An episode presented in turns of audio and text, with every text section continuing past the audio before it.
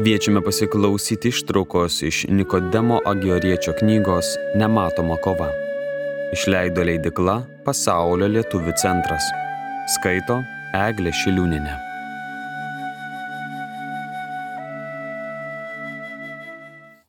Trisdešimt antras skyrius Priešo pinklės tiems, kurie įžengia į gerą kelią. Sakykim, kad kas nors įveikęs pirmas dvi kliūtis panoro vaduotis iš nuodėmės gniauštų ir neatidėliodamas tai pradėjo. Priešas ir šiuo atveju jo nepalieka, tik pakeičia taktiką, bet neatsisako pikto troškimo pakišti jam pagundos akmenį ir pražudyti.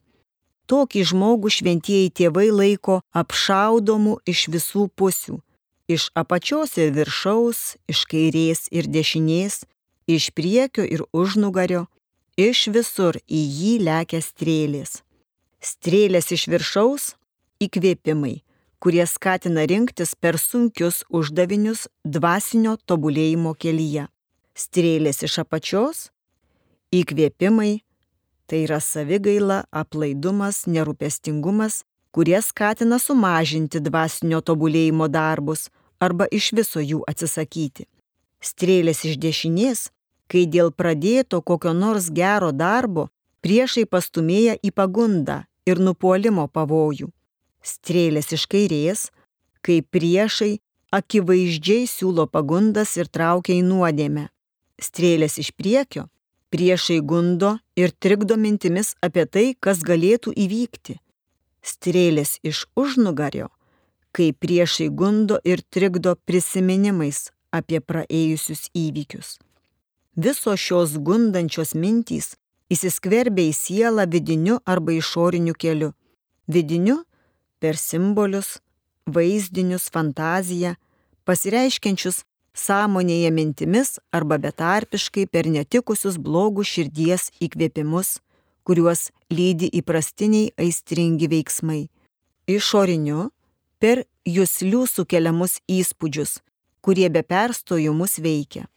Į pagalbą priešams ateina ankstesni mūsų nuodėmingi įpročiai ir mūsų nuodėmės sužeista prigimtis. Turėdamas tiek daug priemonių mums kenkti, priešas visai nesutrinka, jei patiria nesėkmę ir naudoja vis kitą būdą, kad parklubdytų ar nukreiptų nuo kelio jam iš rankų slystantį Kristaus tarną. Pats pirmas priešo veiksmas, kai žmogus nusprendžia pakeisti gyvenimą ir realiai jį pakeičia, ištuštinti kovos vietą, kad niekas jam netrukdytų. Tai priešui pasiseka, jeigu pavyksta kovai besirengiančiam žmogui įkvėpti mintį, kad jis pats gali susitvarkyti be bažnyčios dvasinių vadovų patarimų. Tačiau kas priima tokį vadovavimą ir visus savo vidinius bei išorinius veiksmus atskleidžia dvasios vadovui, parapijoje kunigui, vienuolynę patyrusiam senoliui, tas priešui nepasiekiamas. Kad ir ką jis įkvėptų, patyręs dvasios vadovas kaip mat tai išvelgia ir įspėja savo auklėtinį taip sužlugdomos visos klastos. O kas atsisako vadovavimo, tas vėl pakliūva į priešo pinklės ir nukrypsta nuo kelio. Yra daug galimybių, kurios atrodo visai geros, būtent jas priešas ir įkvepia. Naujokas paseka jomis ir patenka į pasalą, kurioje laukia dideli pavojai arba žūtis.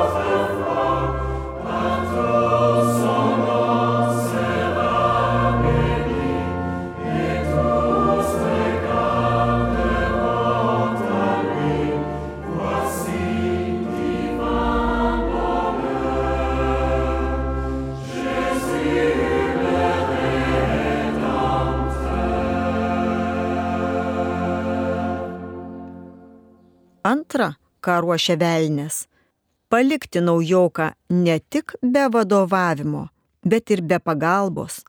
Nusprendęs apsieiti be patarimo ir vadovavimo, naujokas savaime ima manyti, jog jam, atliekant užduotis ir laikantis dvasinio gyvenimo tvarkos, nereikia pagalbos iš išorės. Priešas pagreitina šį perėjimo procesą tuo, jog pats slepiasi ir nepuola naujoko, o šis, pajutęs laisvę ir lengvumą, pradeda svajoti, kad gera būsena jo pastangų vaisius. Galiausiai vien tuo ir pasitikė, o prašydamas pagalbos iš aukštybių, maldoje, kreipiasi lyg pro sukastus dantis vien tam, jog taip rekomenduojama melstis. Kai pagalbos neieškoma, ji žinoma ir neteina. Taip naujokas pasilieka vienas, o su tokiu žmogumi priešui tvarkytis jau nesunku. Tokio pasitikėjimo savimi pasiekmės kai kuriuos žmonės paskatina užsigriepti per nelik daug, ne pagal jėgas ir nelaiku. Energijos pliūpsnis, maitinamas pasitikėjimo savimi, iš pradžių būna stiprus ir kurį laiką suteikia jėgų kovoti. Tačiau po truputį vidinės jėgos senka ir jų nebepakanka net ir lengvai kovai tęsti. Kiti, vis labiau kaupdami minėtą energiją, pasiekia tokį savimi pasitikėjimo lygį, jog ima manyti, kad jiems nėra negalimų dalykų. Šios siautulingos būsenos apimti, jie žengia pražutingus žingsnius, metasi į išdžiūvusi šulinį ir nuo skardžio, visiškai atsisako maisto ir kitų panašių dalykų. Visą tai priešas nepastebimai parengia gundomiesiems. Kitiems pasitikėjimo savimi ir nuopelnų prisiskyrimų pasiekmė yra ta, kad jie patys leidžia savo atsipalaiduoti ir pasilengvinti kovą. Yra toks gundimas, kai pradėjus ką nors naują gyvenime, pavyzdžiui, atgailą, dienos ima atrodyti kaip mėnesiai, o savaitės kaip metai. Todėl, kai žmogus šiek tiek pasidarbuoja, priešas jam pradeda brukti mintis, kad jau gana, jau ir taip nemažai padirbėjai, nemažai pasninkavai, kiek naktų nemiegojai ir panašiai. Galima šiek tiek ir pailsėti. Pailsėk, porina priešas, leisk atsigauti kūnui, šiek tiek galima ir prasiblaškyti. Kai tik naujokas pritarė tokioms mintims, prasideda nuolaida po nuolaidos, kol galutinai subliūkšta Dievui patinkanti tvarka ir naujokas grįžta į senąjį gyvenimą, į ankstesnį aplaidumą bei nerūpestingumą. Tokio pobūdžio gundimus - vengti patarimo, kitų vadovavimo, prisiskirti nuopelnus, padidinti žygdarbius arba suteikti savo palengvinimą. Taigi tokius gundimus priešas naudoja ne tik pradėjus žengti dorybingo gyvenimo keliu, bet ir vėliau kelioniai besitęsiant. Todėl akivaizdu, kaip svarbu dėl bet kokio darbo tartis su vadovu, neprisiskirti savo jokių nuopelnų, net ir menkiausių, nepasitikėti savo jėgomis ir uolumu, vengti persistengimo, kaip ir palengvinimų, gyventi lygiai, nuosekliai, bet energingai ir gyvai, laikytis jau išbandytos ir daugelio šventųjų, net ir dabar gyvenančių, pasiūlytos tvarkos.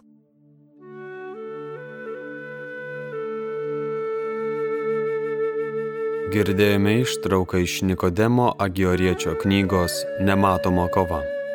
Knygą išleido leidikla Pasaulio lietuvių centras 2023 metais. Skaitė Eglė Šiliūnenė.